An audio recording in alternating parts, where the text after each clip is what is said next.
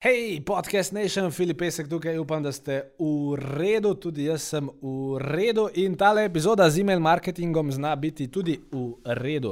Uh, zato, ker e-mail marketing je ena taka lušna stvar, ki mislim, da jo večina podjetij uporablja na robe ali pa sploh ne uporablja. In o tem, uh, zakaj bi se splačalo uporabljati, kako jo uporabljati, uh, plus še dva brezplačna vica o vrtnarju uh, Marjanoviču, vse to in še več vas čaka v temle svežem podkastu. Režija. En lep pozdrav, moje ime je Filip Pesek, to je svet marketinga in verjamem, da boste v tej epizodi neizmerno uživali. Ko pa s poslušanjem končate, pa ste vabljeni na našo seksi, lušno, simpatično spletno stran www.filipesek.com, kjer najdete še več uporabnih vsebin in pa seveda tudi kakšno hudo ponudbo. Se vidiva tam, zdaj lepa gremo na podcast.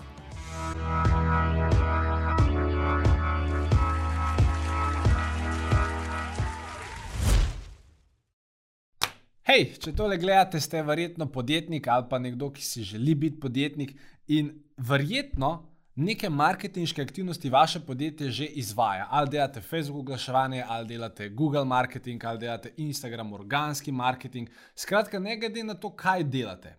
Če bi k vsemu temu dodali e-mail marketing, oziroma če bi ta e-mail marketing, ki ga uporabljate, uporabljali na pravilen način, bi se še v tem mesecu, oziroma tem kvartalu in tem letu, vaši prihodki drastično povečali. In točno o tem, o tem, kako e-mail marketing pravilno uporabljati, o tem, kakšne so pogoste napake in predvsem o tem, uh, kako ga v bistvu delajo najboljši, o tem bi rad danes govoril z vami. Še prej pa prijemo do teh zanimivih vsebin, pa režija, vodna špica. Ja, vem. Uh, Ja, super, vodna špica. Uh, mogoče ste zmedeni, ne? nekateri. Uh, zato, ker verjetno ste v zadnjih desetih letih velikokrat slišali stavek, ampak čakaj, im, a ni e-mail marketing una stvar, ki umira, a ni e-mail marketing una stvar, ki ne, ne, ne bi bila več aktualna. Super, lepo, da ste tako slišali. Uh, bi sicer z veseljem povedal dolg odgovor, pa ga dejansko tudi bom, ampak naj skrajšam. Odgovor je ne. E-mail marketing ne umira, e-mail marketing ne gre nikamor. Je pa res, da recimo, seveda, zato ker je danes toliko več enih različnih medijev, od Facebooka, Instagrama, YouTuba itd., da je dejansko ta attention spam oziroma pozornost, ki jo je imel e-mail, padla. Ampak v redu, je pač padla, ne vem, iz točke sem do točke sem, ampak zdaj pa nekako ne pada več, oziroma uh, se celo vpliv e-mail marketinga povečuje. Ker če ste res pameten podjetnik, pa če hočete zmagati na dolgi rok, pa se verjetno nečesa zavedate. In to je, da vem, vse te stvari, kot so Facebook, Warham občinstva, Google, Warham občinstva, vaši SEO, te uh, rangi na Google, to so ene stvari, ki jih verjetno imate. Sam je pa tudi zelo možno, da se kjerkoli od teh stvari, kadarkoli zaradi neke spremembe algoritma sesuje. Ali pa da tako, kot zdaj, ko prihaja ta iOS 14 sprememba, da enostavno Facebook ne bo več tako točno beležil podatkov. In, in vsi te, vse ta omrežja, vsa ta urodja, ki jih mi uporabljamo, niso nekako v naši, torej v naši podjetniški lasti. Medtem ko e-mail marketing, e-mail baza, je pa seznam e-mail naslovov, ki je vaš. Nihče vam ga ne more vzeti. Ne more vam ga vzeti policija, ne more vam ga vzeti vladni govorec, ne more, nihče vam tega e-mail seznama ne more vzeti. Ta e-mail seznam je dejansko vaš. In z njim imate direktni kontakt s, z vašim ali potencijalnim kupcem ali pa dejanskim kupcem. Torej, ker vam je nekdo dal e-mail, vas očitno, verjetno zaradi tega ima uh, nekako rad. In, in vem, tukaj je mogoče pa še pomislek, ja, ampak ok, to je zdaj ta stara generacija, oni imajo maile, samo ti tam mladi, oni pa nimajo mailov. Res je, nimajo mailov, dokler ne dobijo službe. Ker veste, kaj dobijo v službi? Prijem dobijo odpoved. Točno tako, najprej dobijo mail in pa imajo mail, tudi če ga prej niso imeli, hej, šef, lahko komuniciramo po TikToku. Ne, sorry, ne morva, mail imaš tukaj. Ne, urednik, afna, Filip, pesek bi ga komal, kako imaš že ti, gospod Marjanovič. Skratka, uh, ja, in. Um, E-mail je pomemben, ne e-maila zanemarjati, e-mail je vaša stvar in če boste znali z njim dobro delati, lahko res naredite ogromno razliko napram lani, napram konkurenci, napram vseh ostalih.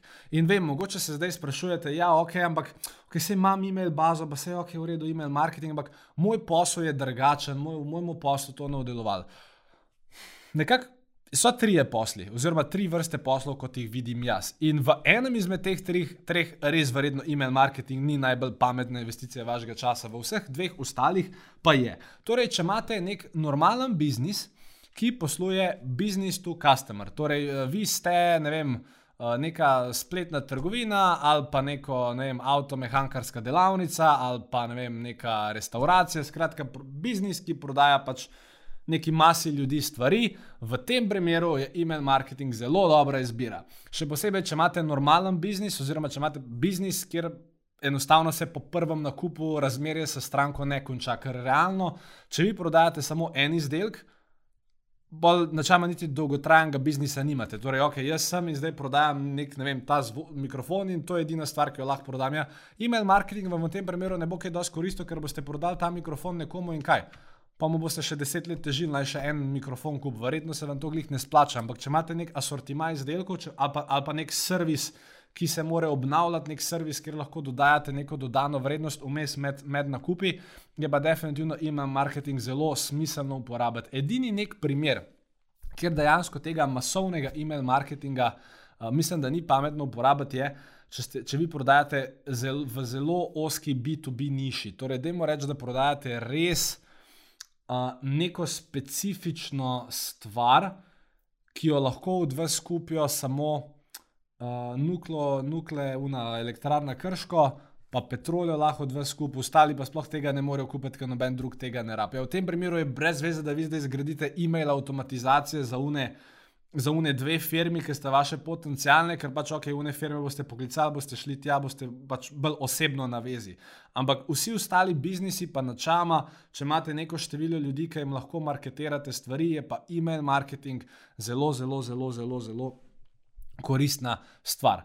Torej, da dejansko kontakte, ki jih imate, ali pa kontakte, ki jih boste še dobili, uh, uvozite v, kot se temu reče, program za obdelavo e-mail podatkov, v, katerih, v katerem lahko potem pošljete vem, svoji bazi e-mail, segmentu te baze e-mail, določeni osebi oziroma osebam znotraj te, uh, te baze e-mail. Skratka, to, to, to je neka rešitev, ki jo praktično vsak izmed nas rab. In bolje tukaj mogoče še en pomislek, ja, ampak vsi ti programi za pošiljanje e-mail pošte so uh, komplicirani. Mislim, če, če boste v to verjeli, pa bodo res komplicirani, ampak načama uh, vam lahko iz prve roke povem. Tudi, če, ste, mislim, če računalniško znate vržgati Word pa Excel, boste tudi recimo program kot je MailChimp ali pa program kot je karkoli tasga naštudirali v eni uri. In če rabite nek program, uh, s katerim hočete pač samo imeti neko osnovno funkcijo, torej ok. Jaz imam zdaj svojo e-mail bazo, enkrat na dva tedna bi rad vsem v tej bazi poslal e-mail, pa vam dejansko priporočam, oziroma bo najcenejši, da greste na dejansko nek program kot je MailChimp, pa bo stvar najlepša laufala. Če hočete imeti pa neko napredno varianto, če hočete pa znotraj tega programa graditi neke napredne avtomatizacije, delati segmentacije, delati, delati posamezne, ne vem, sekvence, flove.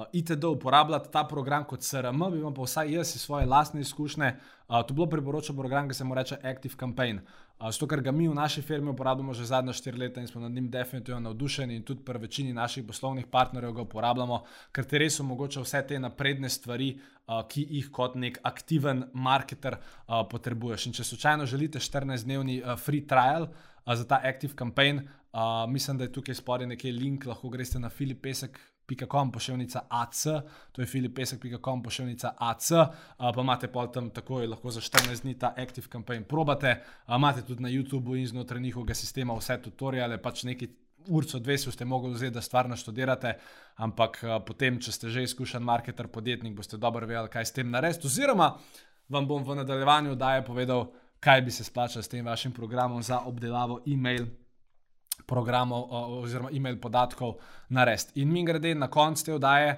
uh, mi smo v preteklosti dejansko z, dejansko z našo bazo ljudi, ki nas spremljajo prek maila, smo že veliko govorili o e-mail marketingu, tudi z njihove strani smo dobili veliko vprašanj in na koncu bi rad odgovoril, tukaj sem zbral deset najbolj pogostih vprašanj oziroma deset zanimivih vprašanj, uh, na katere mislim, da v bistvu odgovore, ki bom dal, da vam bodo nekako uh, prišli uh, prav. Uh, ampak še prej, prijemo do tja, če gremo na naslednjo stvar. Uh, je pa zdaj tako. Mam, ok, dajmo reči, da imate program za obdelavo e-mail podatkov, kar koli že to je. Kaj zdaj s tem narediti? Ker prvo vprašanje je, pač, okay, kaj naj zdaj pošljem, koliko pogosto naj pošljem, kaj naj s tem naredim. Torej, vprašanje ena, ki se ga morate vprašati, je zelo enostavno vprašanje. Sicer vprašanje ena je, ali imam bazo ljudi, ali imam že pač neke podatke, ne vem, 100 mailov, 200 mailov, 300 mailov od svojih preteklih kupcev, potencijalnih kupcev, skratka nekoga, ki mi je mail dal, ali tega nimam. Če tega nimate, bolj je vaša prva naloga, da pač e-mail uh, listo dobite, ali s pomočjo Facebook oglaševanja, Instagram oglaševanja, nagradnih iger, skratka karkoli boste že delali, neko osnovno bazo morate dobiti. Ampak če že imate, morate pa pač zdaj jim nekaj začeti pošiljati. Uh, pa tudi, če jim niste že dolgo časa nekaj pošiljali, pa tudi velik, velikrat me ljudje vprašajo, okay, Filip, kakšen je najbolj učinkovit način, da jaz to svojo bazo komuniciram. Načeloma imate tri načine, sk, uh, oziroma tri tone, uh, v katerih lahko s to svojo bazo komunicirate. Prvi ton je, da imate reči, osebni ton. To, če ste kadarkoli, če ste šli recimo na Filip Pesek, gledal kom bo še nekaj PDF.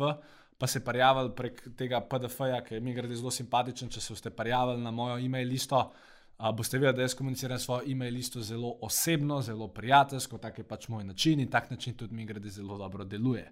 Uh, in temu se reče pač osebni način komunikacije. Potem drugi način komunikacije je, kot jaz temu rečem, semi-personal, torej nekaj, kar je neka mešanica med uradno zadevo. Pa med pogovorno zadevo, mislim pa pač med neko tako sproščeno, prijateljsko zadevo. Če hočete pač na ta način delati, super, lahko. Pol tretji način, je v bistvu način, ki ga dobesedno sovražim, ampak se mi zdi pač res smotan.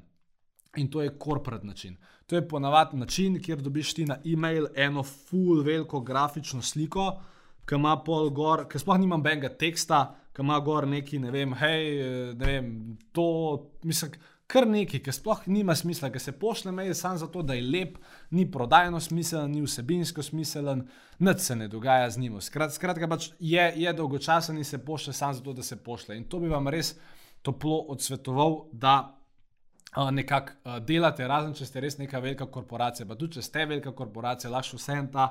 Korporat style, oziroma ta korporat ton, kao mi smo tle, ti si tle, evo, zdaj tle, nekaj si preber, uh, lahko vse nekako prekvalificirate v nek ta semi-personal ton, ki je malo bolj oseben, ki ima kakšno vsebino več, ki ima kakšno besedo več, mogoče ne 16 slik, ki žmigajo ven. Skratka, ja, odločite se za en stil, moj nasvet je ali, ali res osebno osebni ali pa polosebni. Uh, in potem greste v tem naprej. Torej, ko ugotovite, kakšen stil bi radi imeli, je potem naslednjo smiselno vprašanje. Okay, Kako pogosto jaz zdaj s tem ljudem, ki me spremljajo, ljudem, ki so potencijalni kupci, ljudem, ki so kupci, nekaj pošljem.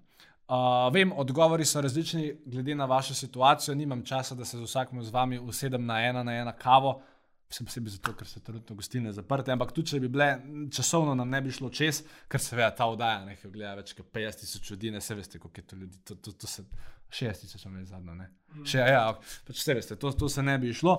Uh, skratka. No, moj tak generalni nasvet je, če ne veste, kako pogosto pošiljati, začnite z enkrat na teden, Torej, če imate bazo ljudi, ki vas spremljajo, ki so že nekaj od vas kupili, ali pa potencijalnih kupcev, enkrat na teden jim, jim nekaj pošljete. In ko boste ta tempo osvojili, in ko boste vedeli, da ljudje te maile odpirajo, da so jim zanimivi, valjda, kakšen se bo vmes unsubscribe, kakšen vam bo vmes napisal, ne mi več pošiljati mailov. Če se boste s temi stvarmi obremenjevali, pa je bož, da niste podjetnik. Pač, sej, namen e-mail baze je, da komunicirate s tistimi, ki si želijo od vas uh, slišati. Sej, če kdo pač noče od vas slišati, ali če je neki kubo pa bil razočaran, ali pa če vem, se mu pač ni več, ne vem, je vmes zamenil spol ali službo, ali pa pač ni več kupiti za vaš izdelek. V redu, se bo unsubscribe, se zato pa imate vedno spodaj unsubscribe gumb, naj se unsubscribe, ne rabite se z njim ukvarjati. Ampak večina ljudi, ki je subskrbana, je ali od vas nekaj kupila, ali vas zanimate in oni si dejansko želijo, da jim vi nekaj poveste. Sam, če jim novte nič poslali, no jo nič od vas slišali, posledično bo pač odnos med vami šepkejši in posledično bodo od vas manj kupili. Zato definitivno začnite z enkrat na teden. Pa pa nekako stopnjujte svoj tempo. Jaz sem imel v, v, v zadnjih petih letih, odkar imam svojo e-mail listo, dramatična pauza.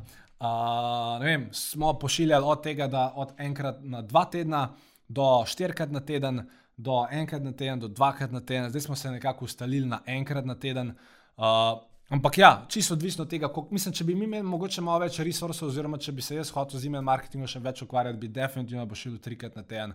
Um, Sam se pravim, če imate kaj zanimivega za povedati, za na trikrat na teden.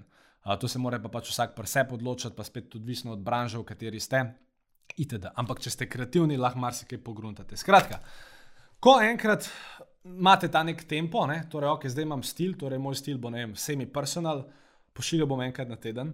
Da jim rečem, vsem, ki so od vas v preteklosti že nekaj kupili, pa bi jim radi ne imeli predstavljen nek drug produkt ali jih kaj naučili ali whatever. Torej, kaj jim pošiljati? Tri tipi mailov v grobem. Ali jim pošljete offer, torej ponudbo konkretno, ali jim pošljete vsebino, ki vodi na offer, ali jim pošljete pa dejansko vsebino, ki pelje ali na vsebino, ali pa samo pač vsebino. Torej, ali ponudba, ali vsebina, ki pelje v ponudbo, ali pa samo vsebina. Torej, v primeru vrtnarstva, torej, da ste vi vrtnarstvo, imate bazo svojih e-mailov. Uh, bi lahko, recimo, torej offer bi izgledal nekako tako, da pošljete mail za zadevo, um, samo ta vikend posebna uh, akcija v Cvetličarni Marjanovič, Uh, in potem bi mail bil, hej, uh, bliža se pomlad, rožice so tukaj, imamo ene fullušne žafrane, imamo fullušne lušne telohe. Vem, da tega ne prodajajo v cvetličarnah, ampak ta cvetličarna Marjanovič je posebna cvetličarna, oni pač to prodajajo. Ne vem, ne vem zakaj. ne, ne, ne, kašen smeh, grozno, rek se mu ne da. Okay, uh, ja. In uh, bi pač poslal, hej, imamo ta vikend, le zaradi praznimo zaloge, 20% popusta, pridite, pokličite, naročite, urejo, to je offer, klasičen mail, super, odlično včasih je treba tudi ta zga poslati. Potem druga stvar je value to offer. Torej, to bi zgajal nekako tako, da bi, uh, um, da bi torej ta vrtnar Marjanovič razlagal o, o cel mail o zdravilnih učinkih bambusa. In potem bi pač dejansko ljudem dal uporabne informacije, bi jim povedal, kako naj gojijo svoj bambus, bi jim povedal, kaj naj vem, bi, bi jim povedal pasti pri nakupu bambusa, bi jim povedal ne vem, še neke zgodbice o bambusu ali whatever. In pa na koncu bi rekel, a ja, mi grede, uh, če slučajno vi nimate še svojega bambusa, pa če bi ga radi imeli, pridite v našo trgovino, zdaj da imam še glih tri, ki jih lahko vam prodam, oddam uh, v najem ali karkoli uh, pač že delajo. Uh, in evo, tu je recimo nek value to offer. Pa imate pa še tretji tip maila, ki je pa value oziroma value to value, torej, pač, torej vsebina brez namena, da karkoli prodaš. Torej, te maili so postani zato, da se pač gradi odnos, zato da dejansko vi date nek koristi na svet svoji, uh, svoji ljudem, ki vas spremljajo. Recimo, evo, vrtnarstvo Marjanoč bi lahko poslal mail za zadevo, kaj narediti, ko začnejo na, moj, na mojih rožah odpadati listi. In potem bi se ta mail lahko začel, dobro, da sem pozdravljen. Uh, včeraj uh, sem ravno pozno delal v uh, tej naši cvetličarni Marjanovič in k meni je pristopila gospa Erika. In uh, Erika je medtem, ko je pri nas kupila um, za okrog 400 evrov rož, me vprašala, uh, veste, gospod Marjanovič, uh, jaz sem pa doma eno rožo in ta roža, ta roža zdaj pač veni. Oziroma, ene par listov je ratelj rjavih. Gospod Marjanovič, kaj lahko v tem primeru naredim? In potem bi gospod Marjanovič za sklopo tega maila pač povedal tisto, kar je povedal Eriki in bi potem ime zaključil z besedami: Hej, upam, da vam je bil ta nasvet všeč. Uh, in uh, ja, upam, da pač uh, boste s tem nasvetom lahko ohranili vaše domače rastline pri življenju. Naj bo to za danes vse, imejte lep ponedeljek še naprej in se vidimo k malu. To je čisti vsebinski mail, poslan za to, da pač pomagaš uporabniku z, z, z neko vsebino uh, ki je za njega relevantna. In torej te, te tipe mailov kombinirate. Lahko kar v razmerju 1-1-1 bo najlažje. En teden pošljaš offer, en teden pošljaš vsebino. Ki pelje v offer, en teden pošljaš pa samo vsebino. In lahko to rotiraš. Lahko se ve, greste tudi tukaj na druga razmerja, ampak če, ste, če iščete nek generičen svet, je to nek generičen svet. Potem je pa seveda zelo pomembno, ne, torej to so zdaj te newsletter sekvence, torej sekvence, ki jih pač pošiljate ljudem, ki so v vaši bazi, v redu, super, nič narobe. Uh, je pa fajn, da če imate, recimo, uh, vem, torej, če se nekdo na internetu subscribe na vaš un, tedenske novičke, ali pa če na internetu prenese kakšen vaš PDF ali pa se prijavi na kakšen webinar, je pa vedno fajn in to je, to, to je res lušten pri Active Campaignu. Uh, A pa tudi verjetno kje drugje, no, ampak se pravi, jaz toplo priporočam vam Active Campaign, filipesek.com, pošiljnica AC, 14-dnevni free trial, uh, da uh, dejansko pač si naštimate neke opt-in sekvence oziroma welcome sekvence, torej da ko nekdo prije v vašo bazo, da ga pa še ne vključite takoj v vašo newsletter sekvenco, ampak da mu najprej pošljete štiri maile oziroma da imate že urejene štiri maile. Uh, Torej, in v teh štirih e-mailih predstavite stvari, ki jih želite, da jih ta potencijalni kupec ve na začetku vašega odnosa, oziroma da se čim, v, v, v čim boljšo, eh, v čim, da čim boljši odnos zgradite in da mu res pokažete, da so vaši e-maili koristni, da se jih splača odpirati, itd. Torej, primer tega bi bil, uh, lahko nadaljujem s tvojim vrtnarstvom. Sem, poslovne skrivnosti sicer razkrivam, ampak ok. Torej, dajmo reči, da bi vrtnarstvo Marjanovič imelo na spletni strani nek uh, tist. Um, pasico, hej, prijavite se na moje kul cool tedenske vrtnarske novičke, v redu, in bi se. Ne? In potem zdaj ena varianta je, da ga ti kar takoj vržeš v to newsletter sekvenco, samo to je butas, ker mogoče bo pol čez dva, torej on se prijavil na e-mail novičke in bo čez dva dni ga už ti že začel buzerirati s tem, kako prazni zaloge pa ite, da pač pa se bo on mislil, ah ta Marjanovič še en izmed modelov, ki bo same neke akcije pošiljal in še, še prej se je prijavil, se je že unsubscribal. Ali pa pač Marjanovič imel štiri maile schedulane na začetku, prejem pa človeka vključiš v welcome sekvenco, pa torej najprej, ker se nekdo prijavil na vašo e-mail listo, bi mu poslal mail, hej, živijo, uh, ali još tukaj um, vodja vrtnarstva Marjanovič. Uh, res sem vesel, da ste se prijavili na to uh, našo e-mail listo. Ne vem točno zakaj, ali imate rože, ali bi radi imeli rože, ali preprodajate rože, ampak karkoli delajte, uh, delajte. Uh, mi smo tukaj zato, da vam pri tem pomagamo. In uh, zato, ker ste se nam pridružili, bi vam radi poslali brezplačno darilo. Lejte, tukaj spodaj sem zbral, ali pa ne vem, v tem PDF-ju, ali pa ne vem. Na tej povezavi sem zbral za vas eno enourno izobraževanje, ki vam bo povedalo o rožah vse, kar morate vedeti. Uh, lahko bi za njega full računal, ampak ne bom, ker mi je všeč, da ste se prijavili na mojo e-mail listo. Kliknite tukaj, pogledajte si ga, dajte mi nazaj napisati, če vam je všeč. Če vam ni, mi ne rabite nič nazaj napisati. Ampak ja, pogledajte si ga, če pa ne, pa tudi nič narobe, imejte lep dan še naprej, vaš Marjanovič. Evo, to je bil prvi mail. In potem drugi mail je bil, uh, ne vem, recimo pa čez dva dni, uh, a pa ne, potem je pa Marjanovič bil lahko mal. Um, Lahko je bil malo ne, uh, tega dramaturga, uh, če to sploh beseda, uh, pa bi se šel malo teh, um, teh sekvenc, ne, teh psiholoških, ne, pa bi on sestavil neko Netflix serijo iz teh svojih uh, e-mailov in pa bi lahko recimo v PS-u tega prvega maila napisal PS. A ja, da ne pozabim, čez ne vem, naslednjič bo klepajal, ne vem točno kdaj bo to, čeprav on ve, ne vem točno kdaj bo to, ampak naslednjič bi ti rad razkril eno napako ki jo počne večina ljudi s svojimi rožami. In v bistvu, kako lahko v bistvu na zelo enostaven način to napako preprečiš in s tem rešiš svoje rože, svoje drage rože, pred tem, da bi izumrle, in v bistvu, kako lahko s tem uh, na nasmeh svojih sosedov, s tem trikom, ko ga uporabiš, uh, uh, narišeš zavist vsem svojim sosedom na njihove obraze. Ampak več o tem naslednjič se bereva takrat, Marjanovič. Zdaj pa pogledaj tu webinar, ki sem ti ga prej poslal. Recimo, ne, Bobby ga on tako huknil ta nek trik na naslednji mail. In pa v naslednjem mailu bi mu on mogoče zdaj ali razkril to napako ali ne, in bi pa skratka se šel te open loope iz maila 1 v 2, iz 2 v 3, iz 3 v 4. Skratka, fu zanimiva stvar. In pol, ki bi on dejansko te zgodbe vlekel iz maila v mail, pa dejansko temu človeku dal vsebine, pol nekom zadnji mail v tej sekvenci, recimo četrti, bi bil pa, ok, hej, lej, lepo, da si prebral prejšnje maile, vesel sem, da so prijadrili do konca od zdaj naprej bom s tabo malo manj pogosto, ponovadi maile pošiljam enkrat na teden. Mi grede, uh, poleg mailov, verjetno ti bo tudi všeč naš vem, Instagram. Poglej si ga tukaj, naš Facebook, naš YouTube, poglej si ga tukaj. Skratka, cela misija vrtnarstva Marjanovič je, da ti pomagamo s tvojimi cvetlicami, rožicami in vsem ostalim. Uh, in to je zaenkrat uh, na uvodu med nama, to mi pa se ponovno slišiva v tedenskih mailih, ki jih lahko pričakuješ v, v tvojem inboxu, pa pa v PS bi dal, hej, Uh, občutek imam, da včasih znotraj teh mailov prije tudi kakšna super ponudba, uh, ki si jo kot pravi fan cvetlic verjetno ne želiš zamuditi, zato ti predlagam, da si danes, še prej zapreš ta e-mail, shraniš pošiljatelja, torej info.afnamarjanovic.com, da si ta e-mail shraniš med varne prejemnike, zato da kadarkoli bo prišel. Ampak je kakšna huda ponudba, da ti slučajno ne bo šla v spam. Uh, in uh, ne, bi to bila neka uvodna sekvenca, se pravi, take stvari je v Active Campaignu uh, zelo enostavno sestaviti.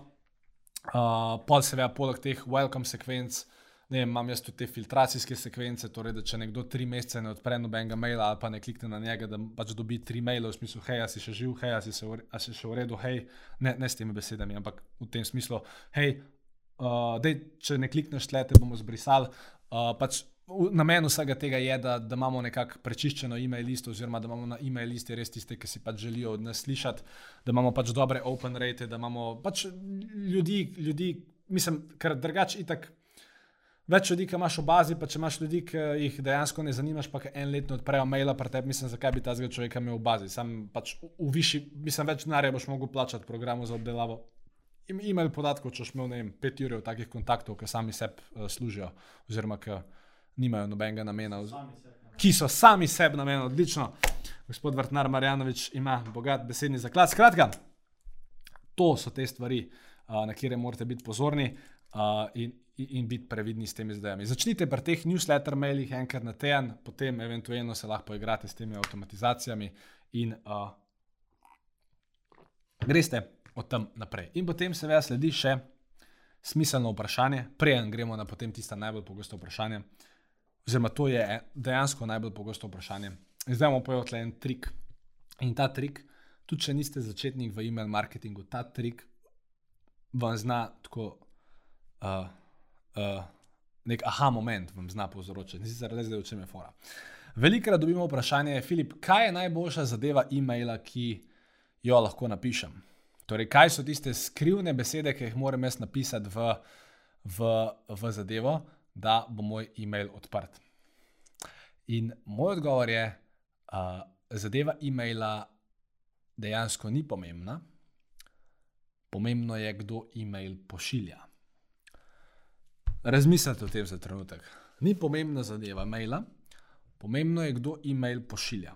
Ker če sem jaz zadnje štiri leta gradil dober odnos s svojo bazo, bo moj e-mail praktično enako odprt, tudi če zadevo napišem, ne vem, od, odpri za zelo šokantno novico, ali pa če napišem um, zadevo e-maila, hej, preberi tole. Open rate bo praktično identičen. Zato, ker pač ko ljudje vidijo, da je Filip Pesek poslal mail, glede na odnos, ki ga imajo z mano zadnja štiri leta ali pa zadnjo eno leto, oni vejo, da je Filip poslal mail ali bo nekaj uporabenega ali bo neka ponudba, nekaj bo skratka, kar me zanima. Njegovi e-maili mi vedno polepšajo dan, vse en mi je, ko je zadeva, to bom odprl. In ko enkrat dosežete ta mindset shift, ali pa ko v bistvu dosežete ta odnos s kupci, zadeva e-maila, mislim, ja, se vpliva na določeno stvar, ampak istočasno ne vpliva. Ker jaz sem zdaj prebral, recimo, zadnjih šest mailov, ki smo jih mi poslali, ali pa ne vem, en izmed zadnjih šestih mailov. Prebral vam bom zadeve, pa boste videli, da te zadeve niso čist nič posebnega istočasno so imeli pa vsi te maili open rate med 40% in 46%. In edina, edina fora, zakaj je razlika pač open rate na mestu 40, 46 ali pa na mestu 46, 40, edina razlika je v tem, da sem mogoče en mail poslal v soboto zjutraj, ker generalno gledano malo manj ljudi takrat bere maile, pa pol tekom vikenda, pa pol v ponedeljek, če kdo prijel službo, je un mail mogoče že malo bolj na dnu. V bistvu, Če me vprašaš, so razlike med temi procenti open rate, niso prišle zaradi zadev, ampak zaradi časa, ko sem jaz mail nekomu poslal. Uh, ker pač zgodovinsko gledano, ne, če je dež, bo pač open rate boljši, itd. Detajli. Ampak mojih zadnjih šest zadev je bilo prav nič marketing, oziroma ok, malo so, mal so bile marketinške, ne vendar le sem marketinški genij. Mislim, pač tako me kliče tam Marjanovič, kateremu hodim, vrtnar Marjanovič. Oh, kje si geni. Uh, ja, recimo, ena zadeva e-maila, ki je imela 43% open rate, je bil presenetljivo direkten prodajni nagovor. Torej, to je bila zadeva e-maila, presenetljivo direkten prodajni nagovor. In ko so odprli mail, je pisal, hej, za vas imam en zelo direkten prodajni nagovor. A te zanima to, če te klikni tukaj in si preberi več. Mo mogoče je bilo malo več besed, ampak to je bil cel mail. 43% open rate. Zakaj? Ker ga je poslal Filip Pesek. Ker, ker sem zgradil ta brand. In, in, in tako dolgoročno tudi vi razmišljate, ko pošiljate svoje maile. No? Pač gledajte to kot nek dolgoročni odnos. Potem drugi mail, druga zadeva je bila zanimiva prigoda iz Dubaja. Ni pisal šokantna, ni pisal bizarna, pisal je zanimiva. Open rate 45. Potem je bil e-mail, uh, fanta sta odšla na svoje. Spet nič posebnega, nič uh, marketinškega 46 posto. Pol je bil v bistvu mail, za 40% odprtost, odprtostjo, ki je imel uh, headline zgodbe, ki jih piše pogum. Spet, mislim, da je zato, ki je bil poslan, mislim, ne, vem, da je bil točno bil poslan, ampak mislim, da je bil zelo sončen dan.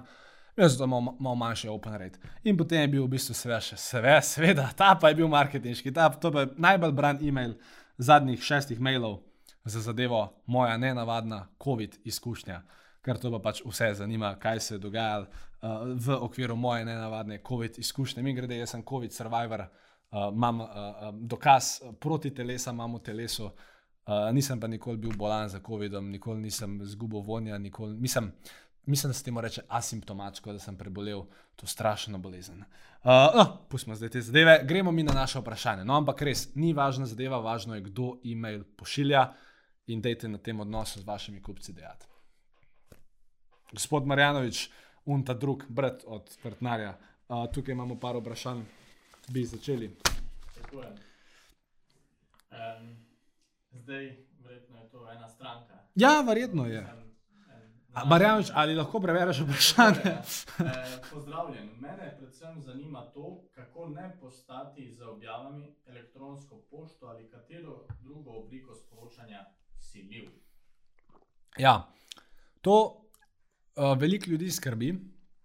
In to ponovadi skrbi une, ki sploh nikoli niso nobenega maila še poslali. Torej, oni se zatrukirajo še prej, karkoli naredijo. Dejstvo je, če boste kreativni, če boste imeli zanimive maile, ne boste nikoli usiljivi. Oziroma, usiljivi boste tistim, ki tako ali tako ne bi smeli biti na vaši e-mail listi, ki jih ne zanimate, ki ne rezonirajo z vašimi vrednotami in tisti se bodo tako tako odjavili. Ni boste usiljivi ali jim pošljete en mail na dva meseca ali pa enega vsak dan. In jim boste usiljivi, dokler se ne unsubscribejo. Za vse ostale je v bistvu čisto vse. Tako da ne, ne se uh, sekirati s to pogostostjo objav. No, bi, bi vam pa priporočal, da vsaj v Sloveniji več kot trikrat na teden ne pošljete maila, max štirikrat. Ampak pa morate biti že res kreativni, pa dobri. No? Ampak Slovenci načeloma nimajo radi, če jim tri maile na dan pošljete. Mislim, mogoče bi tako en dan, ampak da bi to vsak dan delali. Mislim, lahko probate, ampak ne bo dober, ker sem probal, pa vem. Naslednje vprašanje. Koliko časa ti vzame za napisati eno tipično prodajno besedilo ali e-mail v povprečju? Malo čudno strukturirano. Ja, ampak ne, sej, se, se moraš še veliko naučiti. Ja, tako je, ne, e-mailov, e-mailov načeloma ne pišem jaz, uh, piše jih um, uh, tale uh, Mirzat, Mirzat je v Bangladešu in ga outsourcam in on piše, jaz mu povem, on, ne, hecam se, uh, maile pišem jaz, uh, vsaj te, ki pač pridejo kot newsletter sekvence. Uh, pa z vsemi popravki, od predpriprave do konca, do tega, da je e-mail odposlan, med uro pa pol, pa dve uri pa pol, odvisno od dolžine samega uh, e-maila. Ampak mi ni problem tega časa investirati, ker vem, koliko je e-mail pomemben, vem, kaj pomeni to, če ne vem, od 5000 ljudi, ki so na tvoji e-mail listi, jih 2500 tisti dan to prebere, pa imajo zaradi tega boljši dan, oziroma večje zaupanje do mene. Uh, tako da ja, od ure pa pol do dveh pa pol. Ampak moji so res, mislim, jaz sem pisatelj, tako mislim, mi grede ne 4000 prodanih izvodov, pač nekaj vem o teh stvareh. Uh, ampak če ste recimo vi pisali maile, ne rabite mogoče toliko dolgih mailov, kot jaz pisati. Uh, in če, če padete v flow, lahko po mojem v eni uri nek enostaven mail brez problema odpošljate. Naslednje vprašanje. Kako se motiviraš za redno pisanje e-mailov? Ja, mislim, halo, ne, mislim pa zdaj, če sem jaz plačal toliko pa toliko denarja za Facebook oglaševanje, za vsa ostala oglaševanja, oglaševanja za to, da sem pač, ne vem, da smo prodali to knjig, da smo dobili te maile. Mislim, moja motivacija je ta, da se mi res zdi neumno, da smo mi zdaj toliko energije vložili, da te maile dobimo in da pol, mislim, zakaj jim zdaj ne bi nič pošiljali. To bi bilo res neumno in, in to je moja motivacija. Zdaj jih imamo jih, dajmo z njimi komunicirati. Evo, naslednje vprašanje. Meni res ni do tega, da bi s kupci bila prijateljica, ko pa jih še nisem srečala. Bi bila pa z veseljem prijazna in ustrežljiva. Uh -huh. Torej, ali bolj priporočate, Filip, živijo, želim ti, dot, dot, dot, ali spoštovani kupec, pripravili smo vam, dot, dot, dot. Lep dan, Maruša. se pravi, če Maruša. Ja, Maruša. Um, takole, torej, ali maile tikat ali vikat. Uh, se pravi, v primeru, da ste um, zdaj um, ne vem, nek, nek brand, bom rekel, da ste Zara, trgovina Zara, verjetno vi ne boste tikali. O ja, pes Zara, imamo tudi pes, naša Zara. Uh, verjetno ne boste tikali svojih ljudi, uh, pa zato, bi se zaradi same velikosti, pa ker jih verjetno prej nikoli niste. Uh, mogoče bi jih v tem primeru vikal, sam bi vse te maile sproščeno, sproščeno vsebinsko naredil, uh, pač dosti drugače, kot so načama narejeni zdaj. No. Tako da moj nasvet je za, za vsa podjetja, ki so manjša od 10 milijonov, bi jaz tikal. Za vsa podjetja, ki so večja od 10 milijonov, bi tudi tikal, če pa pač ne gre drugače, bi pa vikal. Evo, naslednje vprašanje. Zdravo, sem stara šola in skušam s čim manj besedami povedati bistvo. Vsa ta prodajna pisma pa so hudo dolga. Čemu? Včasih mi res, eh, se mi jih res ne ljubi brati do konca. Ja, tako je. Um, če je mail slab, je vedno predolg. Če je mail dober, ne more biti nikoli predolg. Uh, dejansko imamo ljudi, ki začnejo gledati Netflix serijo in potem 8 ur kasneje ugotovijo, da so še vedno na kavču, da niso šli luda, da se niso premaknili, ker so še kar gledali na Netflix serijo. Pa je bila predolga, oziroma so pogledali 10 delov. Sam, ker so bili huki dobro nastavljeni, je serija dobila pozornost gledalcev, ne gledalec to serijo gledal. Isto je z romani, dobrimi knjigami. Kolikrat se vam je že zgodilo, da ste eno knjigo prijeli, prebrali, oziroma jim pač v šusu prebrali. Verjetno vsaj enkrat, če ste to knjigo kupili. Uh, in, um, in ja, če je stvar dobra, ne more biti predolga. Če pa je stvar slaba, pa tudi če je samo tri odstavke dolga, je že predolga. Uh, zato morate res poznati svoje ciljno občinstvo, morate dobre tekste pisati in potem ni nič predolgo. Seveda, da ne bo pomote, jaz, moja osnova ni, da, da jaz hočem namerno pisati dolge tekste. Se, če lahko jaz nekaj povem na kratko, bom povedal na kratko. Samo včasih je pa kakšen koncept, stvar, zadevo, idejo, treba pač na malo daljši način razložiti. Pač takrat jo razložiš na daljši način. Ampak še vedno, kar pač kratko, kalah, ampak včasih so stvari tako kompleksne, da pač je bi ga. Rabiš dve strani, da nekaj razložiš. Aljoša. Um, kako iz ideje, ki se ti porodi v glavi, napisati sekvenco e-mailov in pri tem paziti, da ne poveš vsega naenkrat? Težko, težko. Še res je težko. Sem vadil, veliko moraš. Mislim, to ni to zdaj pisanje e-mailov. Moji prvi maili, ki sem jih poslal leta 2016, niso bili dobri. Sam več, ki jih pošleš, boljši si. In bolj eventualno pogruntaš stvari in daš tako spontano rimo vmes. Gremo naprej. Ali je bolje vse informacije zapisati v mail, ali je boljša možnost povezava do spletne strani? Super, torej, dajmo reči, da hočete poslati mail do blog članka. Torej, ena opcija je, da v bistvu že cel blog članek stlačaš v mail, druga varianta pa je, da pač samo daš nek teaser v mail, pa pa link do blog članka. Jaz načeloma zagovarjam kombinacijo. Uh, včasih dejansko celo vsebino, če ni zdaj res dolga, dolga, jo dam kar v mail, včasih dam pa v e-mail sam teaser pa danes devo na, mislim, pa danes devo na blog ali pa kam drugam. Odvisno tudi od tega, kako imamo ostale promocije zastavljene. Pač to, je, to je kompleksna debata. No, ampak eh, kombinacijo lahko delate brez problema, uh, ali pa ali eno ali drugo, oziroma kjerkoli odgovor je tle praviden. Zdaj pa eno tekoče. Ja. Ali je frekvenca na ključna? Zdi se mi, da nimaš nekega plana, kdaj točno in kako pogosto boš pošiljal e-mail. Res je, nimam nobenega plana, v nedeljo ponavadi to delam, se usedem, razmislim, kaj bi lahko kaj pametnega povedal ljudem, ki me spremljajo naslednji teden. In potem nekaj spišem. Včasih ne spišem, včasih spišem dva maila, odvisno tudi od tega, katere stvari mi un teden lansiramo. Ne? Ker če, mi, če imam jaz un teden intervju z Damenom Murkotom, pol vem, da bom ta mail poslal. Ne? Torej je delno načrtovano, urejo, tak, a pa ne en takrat, ker ne vem napišemo najboljši možen članek na svet podjetništva, takrat pa jaz vem, da zato, ker moram to v svoji bazi spromovirati, bom pač takrat poslal mail.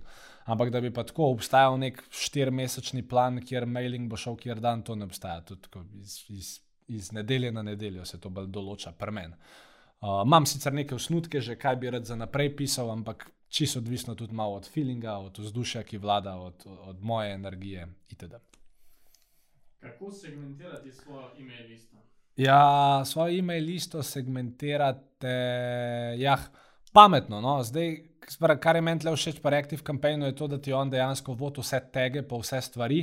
Pa je pa tudi odvisno, kaj hočeš prodajati, pa koliko izdelkov imaš, pa kaj narediti. No? Ampak jaz svojo e-mail listo imam. Pač, če hočem, jaz lahko zdaj recimo pošljem e-mail ali vsem, ki so bili kadarkoli zainteresirani v našo marketinško agencijo, ali vsem, ki so bili zainteresirani v oddajo Filip Pesek Show, ali vsem, ki so bili zainteresirani v portal Svet podjetništva, torej te segmente dejansko imamo. In pa včasih pač še en mail pošljemo samo temu segmentu, ampak včasih smo pa tudi leni, pa v bistvu kar vsem pošljemo isti mail. Pa, pa, tako, no. To tle bi lahko bili boljši, priznam. Čeprav vsakeč, ko prije ven oddaja Filip Pesek Show, imamo en segment v svoji e-mail listi, ki jim vsak teden pošljemo mail zato ker so oni dejansko izrazili interes, da bi radi vsak uh, um, teden dobili mail. Uh, torej, to se pač naredi v Active Campaignu z določenimi tagi, pa avtomatizacijami, pa tako. Ali još. Zakaj svoje e-mail kampanje ne podkrepiš s slikami, banerji, flashi? Se ti zdi to nepotrebno? Tako je, to se mi zdi nepotrebno. Dodam včasih eno sliko na koncu, ampak ena slika na mail je za me čist dost, ker namen e-maila je, da pač pišeš in moraš pač napisati tako, da si bo on znal predstavljati. Ne, da moraš 600 slik poslati, ker pa pač ne pišeš, pa je to v bistvu, mu pošlješ seznam slik, to načela ni namen e-maila, vsaj kakor jaz te stvari razumem. In še zadnje vprašanje. Kaj je eh, tako dobrega glede Active Campaigna? Ne vem, pejte na filipesek.com, pošiljnica AC, sprobajte za 14 dni, pogledajte, kakšen tutorial pa boste videli. Uh, po mojem mnenju no, je pa predvsem dobro to, da, da če se res marketinga resno lotaš, da vse stvari, ki jih znotraj tega resnega marketinga rabiš, lahko v Active Campaignu zelo enostavno, zelo hitro, zelo prožno, elegantno, vitalno, um, hitro narediš. Plus, uh, seveda, dejansko Active Campaign ti lahko služi kot CRM, ker je pač na ta način narejen in lahko dejansko imaš v bistvu Active Campaign tvoj CRM. Ja, to, to... A, nimaš več vprašanj? Kaj pa kakšno lastno vprašanje? Kaj pa tebe zanima? Uh, enega sem se spomnil, sem ga ne bom zdaj, ker je predobro. Mislim, taka ful dobra ideja je. Aha, Pa ga nočem, bom pol podaj povedal. Ker ostalih pa. Temu se reče fast, fast learner, learner, learner, fast learner. Ali još ne ve, ker njemu ni angliščina šla, jaz pa tudi nek sem, sem v Ameriki študiral, pa so mi vedno re rekli, da sem z Rusije. Ok, uh, najlepša hvala za vašo pozornost. Uh, če je bila vdaja všeč, veste, kaj morate narediti. Uh, mi grede, se veste, klasična reklama na koncu. Uh, ok, Active Campaign smo že omenjali, to ste že odklikali. Uh, mi grede, če kdo hoče, če se komu ne da e-mail marketinga delati pa bi rad, da ima dejansko marketinško ekipo, ki poleg vseh njegovih Facebook, Instagram oglasov, marketinškega načrta, strategije, eh, video dnevov, vseh teh zadev. Če, če hočete imeti eno tako agencijo, ki bi poleg vsega tega pisala za vaše maile, pa pejte na filipesek.com pošiljnica ena in si preberite o tem, kako, če sploh lahko sodelujete z nami, z našo marketinško agencijo. In uh, to mislim, da je to. Vesel, vesel sem, da spremljate uh, tale Filipesek show s Filipom Peskom. Vsak četrtek smo tukaj z vami ob 19.00 na tem YouTube kanalu. Uh, do naslednjega snidanja, lep pozdrav.